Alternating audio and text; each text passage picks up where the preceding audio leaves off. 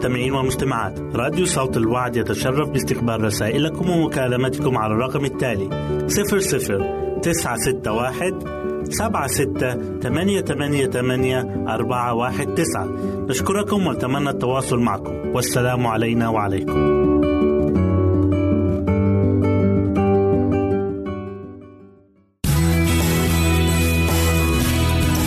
استماع وتحميل برامجنا من موقعنا على الإنترنت www.awr.org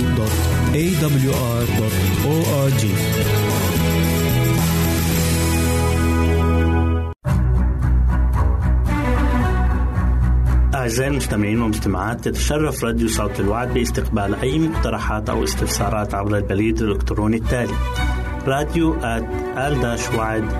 في مرة أخرى بالحروف المتقطعة R A D I O at A L شرطة W A A D نقطة تي في والسلام علينا وعليكم.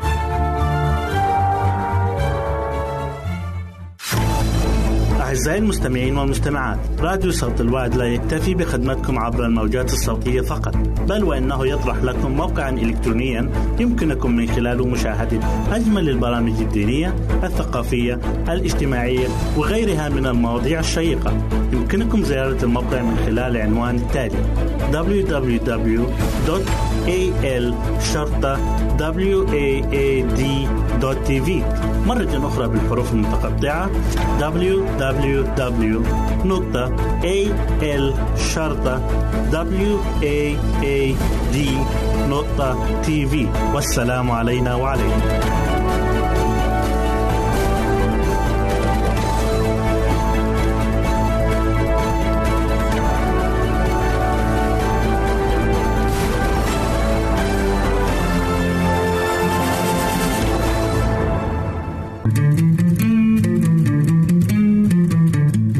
تستمعون إلى إذاعة صوت الوعد.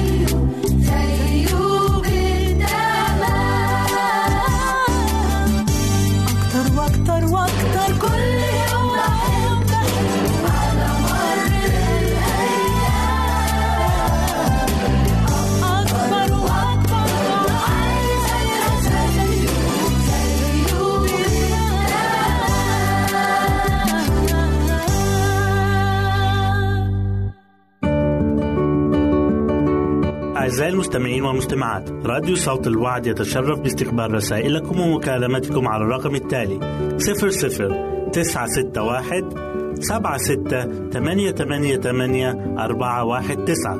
نشكركم ونتمنى التواصل معكم. والسلام علينا وعليكم.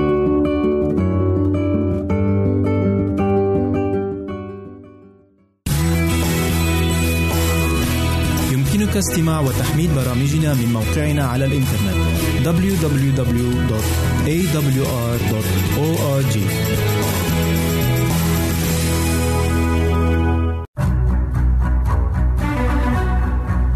أعزائي المستمعين والمستمعات تتشرف راديو صوت الوعد باستقبال أي مقترحات أو استفسارات عبر البريد الإلكتروني التالي راديو تي في مرة أخرى بالحروف المتقطعة R A D I O at A L شرطة W A A D نقطة تي في والسلام علينا وعليكم. أهلا وسهلا بكم مستمعينا الكرام في كل مكان. يسعدني أن أقدم لكم برنامج أطفالنا زينة حياتنا. تكلمنا في الحلقة السابقة عن بعض العادات الحسنة التي يمكننا أن نعلمها للطفل وهو في سن صغير مثل عادة النوم وعادة السعادة والانشراح وعادة الثقة بالوالدين وعادة ضبط النفس. وفي حلقة اليوم سنكمل حديثا عن بعض العادات الأخرى. ولنبدأ بعادة الطاعة. تتم عادة الطاعة تدريجيا بحادث وراء حادث دون انقطاع في السلسلة. فالطفل الصغير لا مفر له إلا أن يطيع ولكن الخوف أن تخطئ الأم فتحيد عن الخطة التي رسمتها له. وبذلك ينفرط عقد السلسلة. ويصعب غرس العادة فيه. قد تخطئ الأم فتغير خطتها اتباعا لعاطفتها فتشفق على الطفل. متى رأت دموعه تنهمر على خديه وتعطيه طلبه. فتكون قد استخدمت العاطفة في تربية الطفل لا الطريقة الصحيحة التي تفيده في النهاية. تعرف الأم أن بكاء الطفل وإلحاحه في الطلب أو إلحاح أخيها الأكبر أمر منكد وأصعب ما تجب مقاومته. ولكن في مقاومتها هذه الأساس لحل مشاكل أكبر متى انقضى زمن الطفولة. عادة اللطف واللياقة والمجاملة. في تنشئة هذه العادة تظهر قوة المثل والقدوة في أجل مظاهرها. فإذا كانت الأم وغيرها من أفراد العائلة لطفاء نحو الطفل مجاملين له نشأ أنيسا لطيفا مجاملا. فاستعمال كلمات اللطف مثل إذا كنت تريد شكرا عفوا وإلى آخره. هذه المعاملة تولد في الطفل الصفات نفسها ثم مع الاستمرار تصبح فيه عادة متأصلة دون أن نشعر وبعبارة أخرى ينشأ الولد صورة طبق الأصل عنا من حيث شخصيته وأخلاقه. ولهذا كان من واجب الوالد والوالدة أن يقوم بواجب الأبوة الحقيقية وأن يكون قدوة حسنة أمامه. عادة الترتيب. وهذه العادة أيضا تعتمد في تنشئتها على القدوة. فإذا كان البيت وكل ما فيه مرتبا نشأ الولد كذلك. ومتى بلغ الولد السنة الثانية من العمر أو حتى قبل ذلك يرغب في أن يعلق ثيابه في أماكنها بنفسه ربما على تعليقة تناسب طوله بحيث تصبح في متناوله وتلون باللون الذي يحبه. أو يضع حذاءه أسفل الخزانة بجانب حذاء أبيه وأمه أو يعلق ثيابه على ظهر الكرسي قبل النوم. يحب أن يساعد أمه في لم الأوراق المبعثرة. وإذا قالت أمه لنرتب هذا المكان معا تراه يسرع إلى العمل ملبيا الطلب برضا وسرور. وإذا قالت له قد أنهيت اللعب بالمكعبات فلنرجعها إلى مكانها. تراه يلبي طائعا. وإذا بدأنا بهذا باكرا أي قبل أن تنشأ فيه عادات خاطئة رأينا الطفل يلبي طلبنا طائعا دون تردد. وليكن للولد درجه الخاص به يضع فيه أشياءه أو صندوق يضع فيه ألعابه أو رف يرتب عليه كتبه. وتعليقات تناسب طوله يعلق عليها ثيابه. ومتى رأى أمه ترتب أغراض البيت يرغب في أن يفعل كذلك بأغراضه.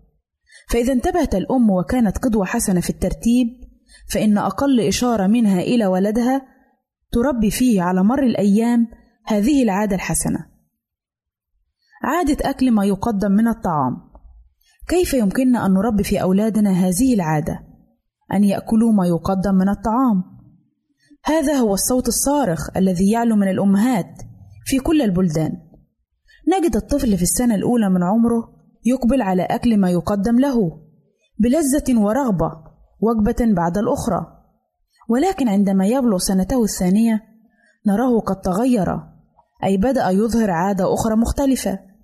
فيتردد في تناول هذا اللون من الطعام وينفر من تناول اللون الآخر. يرفض اليوم ما أحبه بالأمس وبالعكس أو ربما وقف موقف عداء من كل ألوان الطعام. إن هذا كله دليل على أننا خسرنا المعركة بعد أن كان زمام النصر في أيدينا. كان الطفل لا يرد لنا كلمة ولا ينفر من طعام نقدمه له. وأما الآن فقد تغير الموقف وذلك على الأرجح بسبب أغلاط ارتكبناها في الماضي. حتى أصبح علينا الآن أن نقف موقفا حازما فننهي الولد عن هذا ونأمره أن يفعل ذاك. تأثير القدوة والمثل. قبل كل شيء وفي الدرجة الأولى من الأهمية أن نتذكر تأثير القدوة والمثل في البيت. فإذا كانت هذه القدوة ما يجب أن تكون عليه لم يبقى هنالك مشاكل. وإذا رأى الطفل الكبار ينتقدون الطعام ويظهرون رغبتهم في بعضه وينفرون من البعض الآخر يقلدهم الطفل في ذلك. ولا شك فيسلك سلوكهم ويشاركهم في انتقادهم. ولكن إذا أكل أفراد العائلة كلهم بما فيهم الوالد أيضا بروح الرضا الطعام الذي يقدم لهم كان ذلك درسا. في أن ليس المهم في الحياة ما نأكل. ويتعلم الطفل ذلك الدرس دون أن يشعر ويأكل طعامه بروح الرضا أيضا. وإذا اتبع أفراد العائلة كلهم خطة واحدة في الطعام اقتبس الطفل منهم هذه الخطة واشترك في جو البيت والعائلة. إلى هنا نأتي أعزائي إلى نهاية برنامجنا أطفالنا زينة حياتنا وإلى لقاء آخر على أمل أن نلتقي بكم. تقبلوا مني ومن أسرة البرنامج أرق وأطيب تحية. وسلام الله معكم. أعزائي المستمعين والمستمعات راديو صوت الوعد لا يكتفي بخدمتكم عبر الموجات الصوتية فقط بل وإنه يطرح لكم موقعا إلكترونيا يمكنكم من خلاله مشاهدة أجمل البرامج الدينية الثقافية الاجتماعية وغيرها من المواضيع الشيقة. يمكنكم زيارة الموقع من خلال العنوان التالي www.al-waad.tv مرة أخرى بالحروف المتقطعة www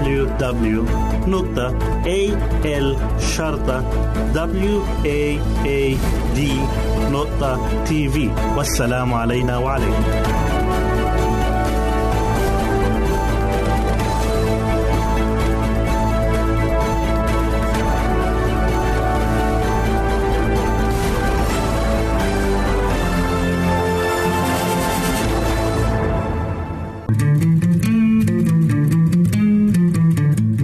تستمعون إلى إذاعة صوت الوعد.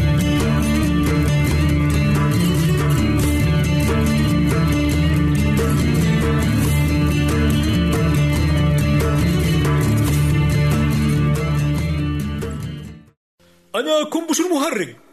أضحك اللي بيتفرج. أصح صح النعسان وأشجع الغلبان. وجيت لكم أهو في العيد بلبس الفوسفوريكو الجديد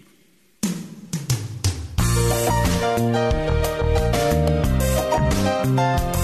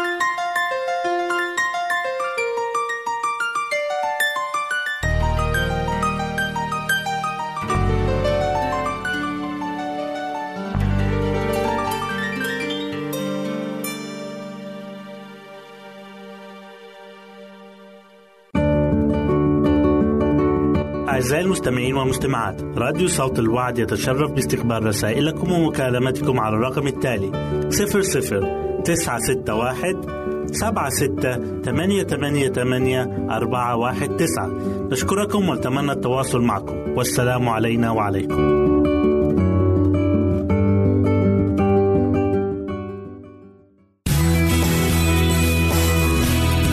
يمكنك استماع وتحميل برامجنا من موقعنا على الإنترنت www.awr.org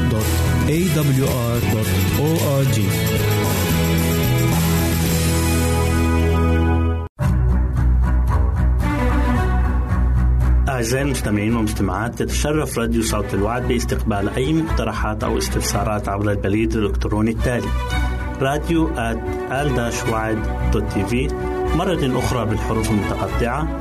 R A D I O A L شرطة W A A D نقطة تي في والسلام علينا وعليكم. حبايبي الحلوين أهلا بيكم في برنامج قصص وحكايات لأحلى صبيان وبنات.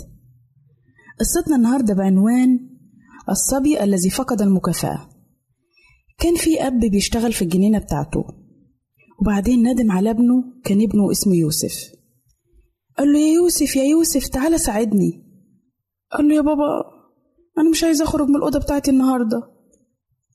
قال له لا يا يوسف أنا محتاج مساعدتك. معلش يا حبيبي عندنا شغل كتير ومحتاجك تساعدني. قعد يتحايل عليه يتحايل عليه كتير. والولد برضه إيه مصر إن هو ما يسمعش الكلام. راح قال له يا يوسف لو ما جيتش دلوقتي أنا هتصرف تصرف تاني. ما تخليش صبري ينفذ.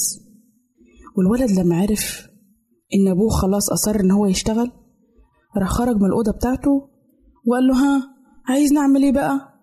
قال له تعمل إيه؟ الشغل متراكم وكتير جدا وعايزين نعمل بيت للدجاج. قال له طب وأنت عايزني بقى أعمل إيه؟ قال له هتشيل الخشب ده تنقله الجنب التاني. قال له طب بس أنا يا بابا أنا كنت هلعب. أنا كنت هلعب دلوقتي. راح قال له بابا ونقل الخشب لعبة جميلة جدا. يلا كده شمر عن إيديك وابدأ الشغل. وهو ده الخشب اللي قلت لك توديه فين. قال له بتقول فين يا بابا؟ وكان الولد بيقول كده مش عشان مش عارف المكان اللي يودي فيه الخشب. لا هو قصد يضيع الوقت بقدر المستطاع. بتقول أوديه فين يا بابا؟ قال له في الجنب التاني من الجنينة. طب والخشب أنه يا بابا؟ قال له الخشب ده. راح الولد رد وقال له بس أنا ما أقدرش أشيل كل الخشب ده يا بابا. قال له لا أنت تقدر. يلا بسرعة. وأنا هسبقك في الجنب التاني من الجنينة هاخد العدة معايا اللي هنشتغل بيها. راح اتقدم يوسف ببطء كده وبيبص على كومة الخشب كده وهو متضايق. يا يا بابا ده تقيل جدا. قال له لا مش تقيل على شاب زيك. قال له ده أنا ما أقدرش أرفع ولا واحدة منه. قال له ليه؟ قال له عشان تقيل قوي يا بابا. راح شال يوسف واحدة وراح إيه سابها من إيده وراحت وقعت على الأرض. قال له أهو شفت؟ إيه الفايدة بقى؟ ده أنا مش قادر أشيل ولا واحدة حتى. قال له طب بص يا يوسف ياخد قد إيه منك وقت إنك تنقل الخشب ده للجنب التاني من الجنينة؟ لو كنت هديلك 30 جنيه قال له 30 جنيه؟ هتديني 30 جنيه لو نقلته؟ قال له أنا ما وعدتكش بال 30 جنيه. لكن أنا بسألك ياخد قد إيه من الوقت عشان تنقل الكومة بتاع الخشب ديت لو كنت هديلك 30 جنيه؟ قال له مش عارف يا بابا. هل كنت تطلب من حد ينقل كومة الخشب ديت ب 30 جنيه؟ قال له طبعا يا بابا من غير شك. قال له طيب دلوقتي قبل ما نكمل الصفقة مع بعض أنا عايز أعرف هياخد قد إيه من الوقت لو اديتك 30 جنيه. قال له ماشي يا بابا. بعد كده راح شال قطعة خشب وطلع يجري بيها يوديها مكان ما بابا قال له. وإيه وفضل رايح جاي رايح جاي. قال له طيب السرعة دي كويسة يا بابا؟ قال له آه كويسة قوي بس يظهر إن الخشب مش تقيل زي ما أنت قلت. قال له بس دلوقتي ادخل البيت. قال ادخل البيت. والخشب ده كله اللي هينقله مين؟ قال له أنا عارف. مفيش مشكلة أنا هنقله بنفسي. قال له لا يا بابا أنا عايز أعمل الشغل ده وآخد التلاتين جنيه. قال له لكن دلوقتي ما ينفعش أنت اتأخرت. قال له إزاي اتأخرت؟ ده لسه الوقت طويل وإحنا لسه في أول النهار ولسه الغروب ما جاش. قال له ما أقصدش كده. قال له أنا أقصد لو أنت عملت ده علشاني من غير تذمر كنت هديلك التلاتين جنيه وأنا مبسوط. وكان ممكن اديلك أكتر لو ساعدتني من نفسك. لكن إذا كان ابني مش بيساعدني محبة فيا أنا مش عايزة أديله لأنك أنت دلوقتي هتعمل الشغل ده بس عشان الفلوس. وفي الحالة دي أنا أفضل إن أنا أقوم بالشغل بنفسي. سكت يوسف كده ورجع البيت وهو ميل في الأرض كده وزعلان وعمال يفكر. لكن في الصبح تاني يوم كان الأب بيحلق دقنه في الحمام وسمع صوت في الجنينة راح بص من الشباك لقي كومة من الخشب متنضفة ومحطوطة في مكانها. وبعد كده دخل يوسف البيت وهو مبسوط وفرحان اللي هو عمل كده من غير ما باباه يحس عشان يفاجئ باباه بالشغل اللي هو عمله. وفي لحظة يا ولاد فهم الأب كل حاجة. راح بسرعة جري على السفرة في لمح البصر وكان حالق يدوب نص دقنه. وبعدين رجع تاني عشان يكمل حلاقة دقنه وفي الوقت ده راح حط حاجة تحت الطبق بتاع يوسف. عارفين كانت إيه؟ كانت التلاتين جنيه اللي خسرها يوسف امبارح وربحها النهاردة. من القصة دي يا ولاد نتعلم درس مهم جدا في حياتنا. نتعلم إننا لما بابا ولا ماما يطلبوا منا حاجة نعملها لهم لأن إحنا بنحبهم مش عشان مكافأة ولا عشان فلوس ولا عشان أي حاجة لأنهم هم كمان بيتعبوا كتير علشاننا وبيحاولوا يعملوا كل حاجة تسعدنا وتبسطنا. وبكده نكون وصلنا لنهاية قصتنا. واستنونا في قصة جديدة من برنامج قصص وحكايات لأحلى صبيان وبنات. ربنا معاكم. أعزائي المستمعين والمستمعات راديو صوت الوعد لا يكتفي بخدمتكم عبر الموجات الصوتية فقط بل وأنه يطرح لكم موقعا إلكترونيا يمكنكم من خلاله مشاهدة أجمل البرامج الدينية الثقافية الاجتماعية وغيرها من المواضيع الشيقة. يمكنكم زيارة الموقع من خلال العنوان التالي wwwal waad.tv مرة أخرى بالحروف المتقطعة www www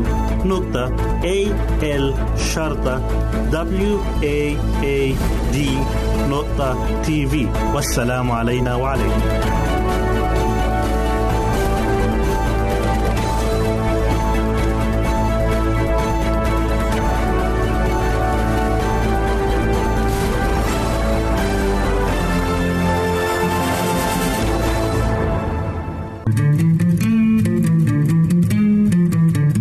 أنتم تستمعون إلى إذاعة صوت الوعي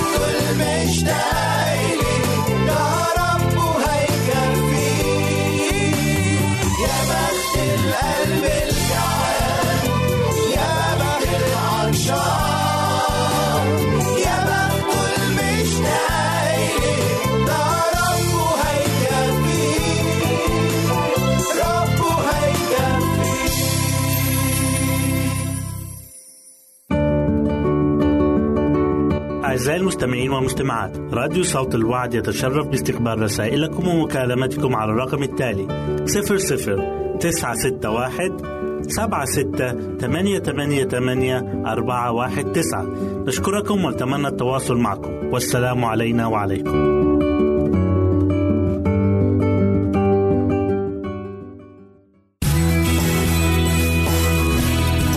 استماع وتحميل برامجنا من موقعنا على الإنترنت www.awr.org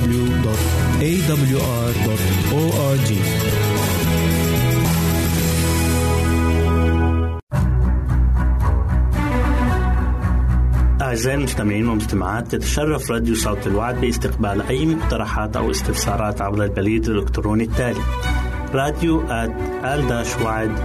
في مرة أخرى بالحروف المتقطعة R A D I O at A L شرطة W A A D نقطة تي في والسلام علينا وعليكم.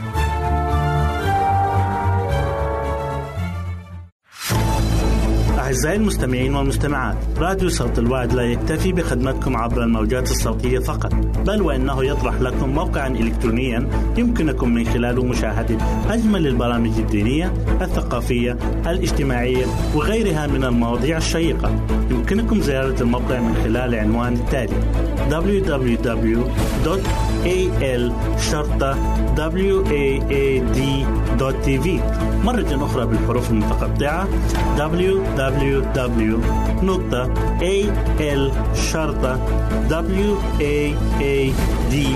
www.al-waad.tv والسلام علينا وعليكم.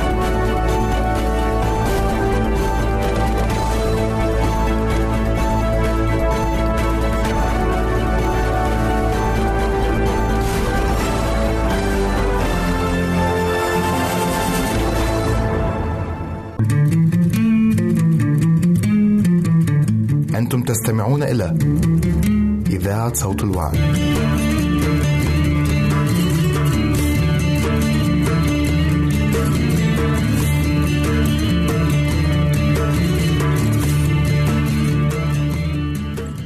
مستمعي الكرام أرحب بكم في هذه الحلقة الجديدة من برنامجكم الأسبوعي بيتي جنتي وحلقة اليوم بعنوان المثابرة ما هي في رأيك أهم صفة صوب النجاح؟ قد يقول بعضهم هي الأمانة ويقول غيرهم بل هي التعاون. ولكني شخصيا أفضل المثابرة. أوصل المسيح تعليمه إلى سامعيه من خلال ربطها بقصص جذابة. وأفضل وسيلة لشرح الصفات الحميدة لأطفالنا تتم بربطها بقصة مشوقة لهم. حلقة اليوم عن المثابرة من خلال قصة فلنستمع معا. في ذات مرة كان هناك ثلاثة رجال أخذوا يبحثون بجد ونشاط عن كنز مخبأ في مكان ما. وقد زود كل منهم بخارطة عليها حرف إكس فوق المنطقة التي خبئ فيها الكنز في الأرض. وكان من الصعب عليهم السير وفق تعليمات الخارطة لأنها أشارت إلى طرق تخترق الصخور الجرداء الخشنة. أحيانا الغابات الكثيفة والمستنقعات الموحلة. وأحيانا أخرى عبر جبال سحيقة. سار الرجل الأول عبر الصخور الجرداء الخشنة والغابات الكثيفة والمستنقعات الموحلة ولكنه ما أن وصل إلى الجبال السحيقة حتى قال هذا أكثر مما أستطيع أن أحتمل. لقد تعبت ولا أعتقد أن الكنز الصغير الذي سأصل إليه يساوي كل هذا العناء في صعود هذه الجبال الشاهقة فأنا لا أريد الكنز ويمكنني الاستغناء عنه والعيش بدونه. فالحياة أقصر من أن نبددها في البحث عن كنز. وسار الرجل الثاني عبر الصخور الجرداء الخشنة والغابات الكثيفة والمستنقعات الموحلة بل وتسلق أيضا الجبال السحيقة حتى وصل إلى البقعة التي تم تحديدها بحرف إكس على الخارطة. فأخذ يحفر الأرض. وبعد أن أزال بعض الصخور حول المكان جلس ومسح العرق عن جبهته وسأل نفسه لماذا أعمل أنا هكذا بكل جد؟ ولماذا آتي كل الطريق إلى هنا وأحفر الأرض وأزيل منها الصخور في الوقت الذي أستطيع فيه البقاء في البيت والاستمتاع بالحياة مع أصدقائي؟ وهكذا حزم أمتعته وعاد أدراجه عبر الجبال السحيقة باتجاه البيت. وسار الرجل الثالث عبر الصخور الجرداء الخشنة وعبر الغابات الكثيفة والمستنقعات الموحلة.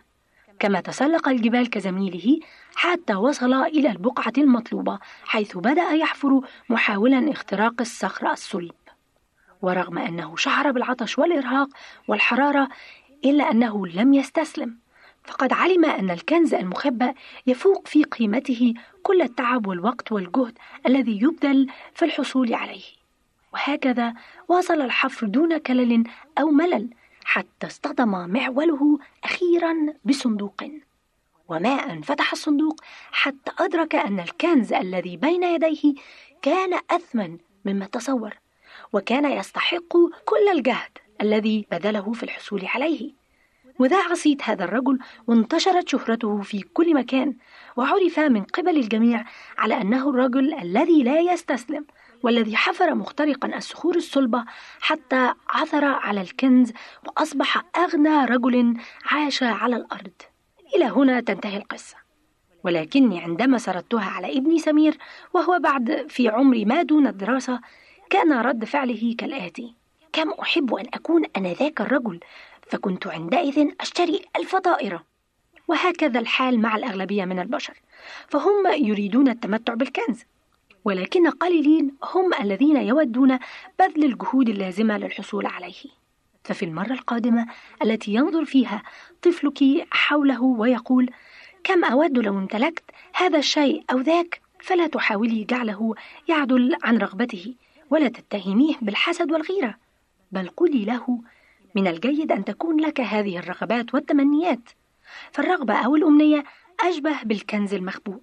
ولكن حتى تتحول أمنيتك إلى واقع ملموس يتحتم عليك بذل الجهد والمثابرة. فالرجل الذي خرج يبحث عن الكنز لم يبدأ البحث بالحفر على الفور. كان عليه أولا السير عبر صخور جرداء خشنة وغابات كثيفة ومستنقعات موحلة. ثم كان عليه بعد كل هذا أن يتسلق الجبال السحيقة الانحدار ولكنه لم يستسلم أبدا.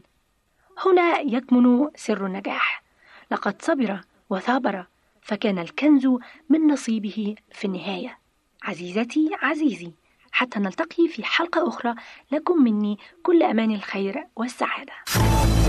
أعزائي المستمعين والمستمعات راديو صوت الوعد لا يكتفي بخدمتكم عبر الموجات الصوتية فقط بل وإنه يطرح لكم موقعا إلكترونيا يمكنكم من خلاله مشاهدة أجمل البرامج الدينية الثقافية الاجتماعية وغيرها من المواضيع الشيقة. يمكنكم زيارة الموقع من خلال العنوان التالي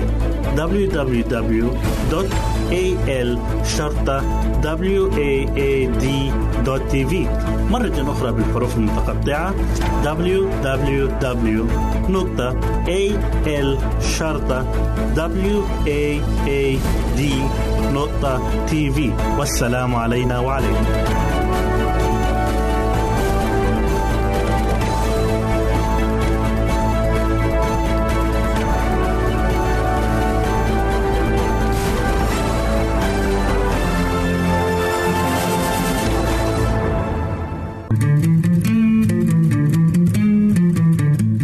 تستمعون إلى إذاعة صوت الوعد.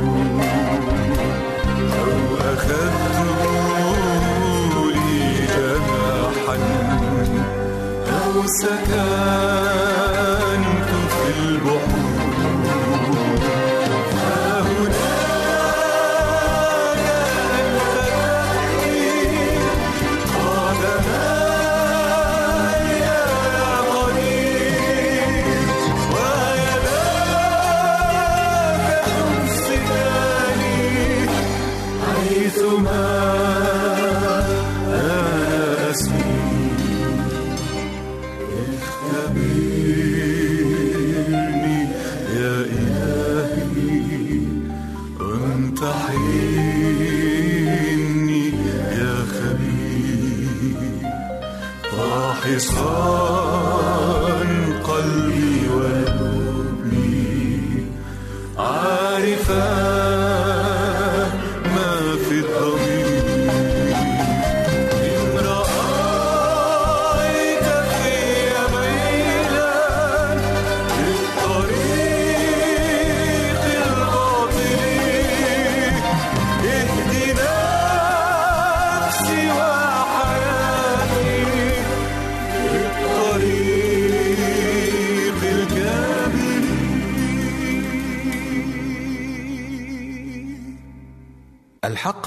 أقول لكم من يؤمن بي فله حياة أبدية.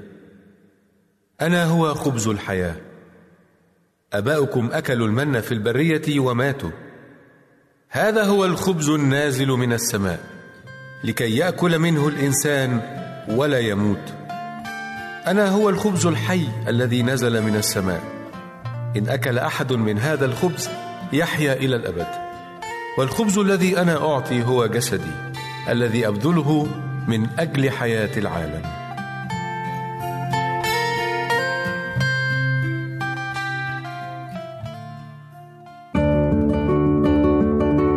أعزائي المستمعين والمستمعات راديو صوت الوعد يتشرف باستقبال رسائلكم ومكالمتكم على الرقم التالي 00 961 سبعة ستة ثمانية ثمانية ثمانية أربعة واحد تسعة. نشكركم ونتمنى التواصل معكم. والسلام علينا وعليكم.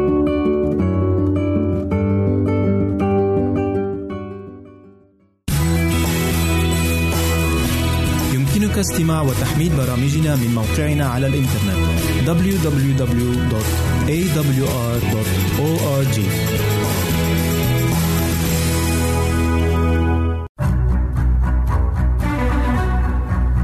أعزائي المستمعين والمستمعات تتشرف راديو صوت الوعد باستقبال أي مقترحات أو استفسارات عبر البريد الإلكتروني التالي راديو TV مرة أخرى بالحروف المتقطعة R A D I O A L شرطة W A A D نقطة TV والسلام علينا وعليكم.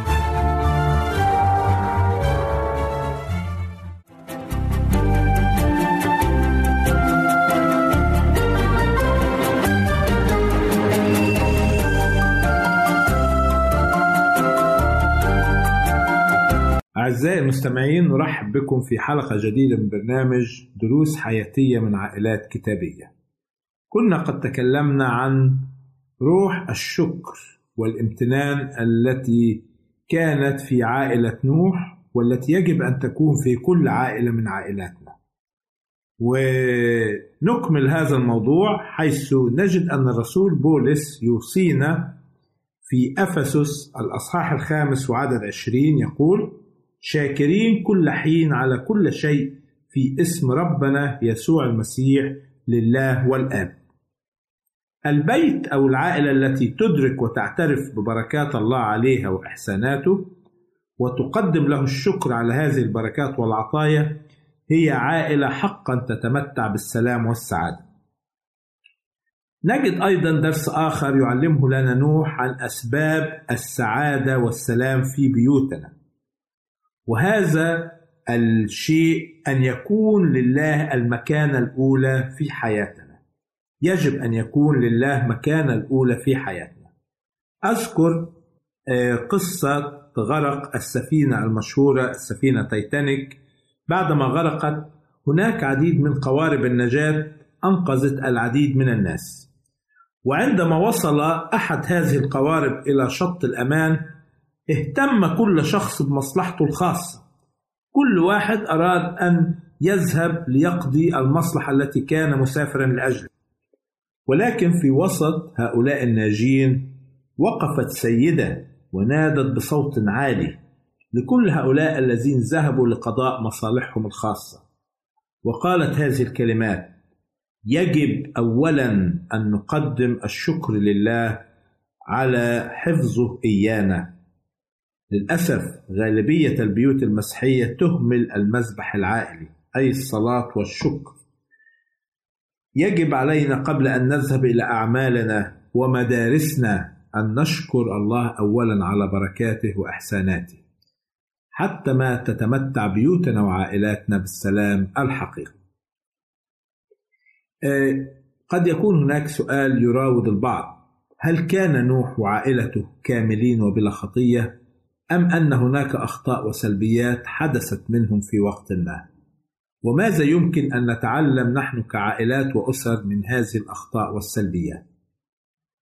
الشيء المهم الذي يجب أن نعرفه ونتأكد منه أنه لا يوجد إنسان كامل بلا خطية. حتى الأنبياء ورجال الله اقترفوا أخطاء وسقطوا فيها. وكما يعلمنا الكتاب المقدس أنه لا يوجد أي إنسان بلا خطية إلا شخص السيد المسيح له المجد. لأنه كان هو الله الذي ظهر في الجسد لأجل خلاصنا وفداءنا. اسمعوا ما يقوله الكتاب المقدس في رسالة روميا الأصحاح الثالث وعدد عشرة واثناشر وثلاثة وعشرين يقول الكتاب المقدس كما هو مكتوب أنه ليس بار ولا واحد. الجميع زاغوا وفسدوا معا. ليس من يعمل صلاحا ليس ولا واحد. إذا الجميع أخطأوا وأعوزهم مجد الله. هذه الآيات كلها تؤكد أن جميع الناس سقطوا في الخطية. بلا شك ونجد حتى نوح أيضا والأنبياء جميعهم سقطوا في الخطية. ونجد أن نوح بعدما اختاره الله وقال عنه الكتاب أما نوح فوجد نعمة في عيني الرب يذكر الكتاب المقدس حادثة وقعت في سفر التكوين أصحاح تسعة ومن عدد عشرين إلى أربع وعشرين. يقول الكتاب وابتدأ نوح يكون فلاحا وغرس كرما وشرب من الخمر فسكر وتعرى داخل خبائه. فأبصر حام أبو كنعان عورة أبيه وأخبر أخويه خارجا فأخذ سام ويافس الرداء ووضعا على أكتافهما ومشيا إلى الوراء وسترا عورة أبيهما ووجههما إلى الوراء فلم يبصرا عورة أبيهما فلما استيقظ نوح من خمره علم ما فعل به ابنه الصغير. من قراءتنا هذه الآيات توضح أن خطية نوح أنه شرب خمرا. ويوضح مضمون الآيات ماذا تفعل الخمر في الإنسان. فتصف الآيات أن نوح تعرى ونسأل لماذا لم يستر نفسه وعورته بردائه. الإجابة موجودة في العدد 24 كما قرأنا بأنه لما استيقظ. كلمة هنا لما استيقظ تدل على أن الخمر تجعل العقل في حال سبات أو نوم حالة بلادة وعدم نشاط. لذلك لم يدرك نوح حالته عندما شرب الخمر. وهذا ما تحذرنا منه كلمة الله الكتاب المقدس بشأن الخمر. فنقرأ ما سجله لنا النبي سليمان في سفر الأمثال أصحاح عشرين والعدد الأول. نقرأ هذه الآية. تقول كلمة الرب الخمر مستهزئة المسكر عجاج ومن يترنح بهما فليس بحكيم. كذلك نقرأ تحذير الرسول بولس في رسالة أفسس الأصحاح الخامس والعدد الثامن عشر. نقرأ هذه الكلمات. تقول كلمة الرب ولا تسكروا بالخمر الذي فيه الخلاعة بل امتلئوا بالروح. وهذا درس لنا جميعا كأسر وعائلات بأنه لا يجب أن يكون للخمر مكانا في بيوتنا وعائلاتنا لأن أخطر شيء تعمله الخمر هو أنها تبلد العقل وتجعله في سبات وهذا يؤدي إلى نتائج خطيرة وجرائم كبيرة حيث أن الإنسان يتصرف دون أن يشعر بتصرفاته أو نتائجها لذلك يحذرنا الكتاب من شرب الخمر. الخمر لم يسقط نوح فقط لكن كان سبب في سقوط ابنه حام في الخطية نشكر الله أن نفهم الكتاب أن نوح تاب عن خطيته والدليل على ذلك أن الكتاب أعده من أبطال الإيمان.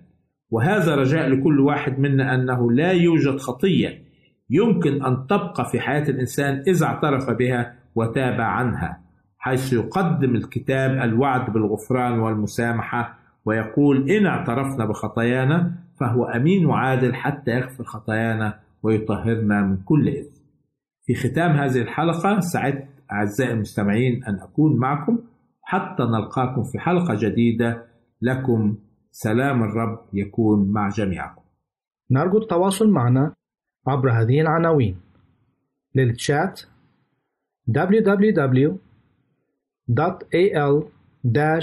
www.al-waad.tv وللرسائل radio at al-waad.tv